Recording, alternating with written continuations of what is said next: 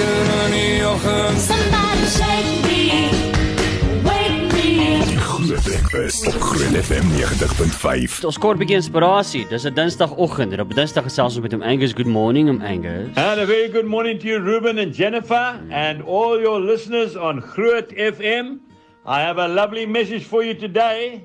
If we go to the Gospel of John chapter 10 and I'm reading from verse 3. Jesus says, "To him the doorkeeper opens, and the sheep hear his voice, and he calls his own sheep by name and leads them out. And when he brings out his own sheep, he goes before them, and the sheep follow him, for they know his voice. I want to say to you that in the West, we chase our sheep with sheepdogs. That's right. But in the Middle East, the shepherds lead their sheep, and their sheep follow them because they know and they hear the voice of the shepherd. Now, you might ask a question how does that happen?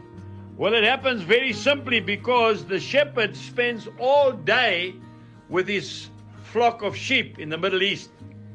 And um, he doesn't spend uh, uh, five minutes with them every morning. You and I are living in turbulent times.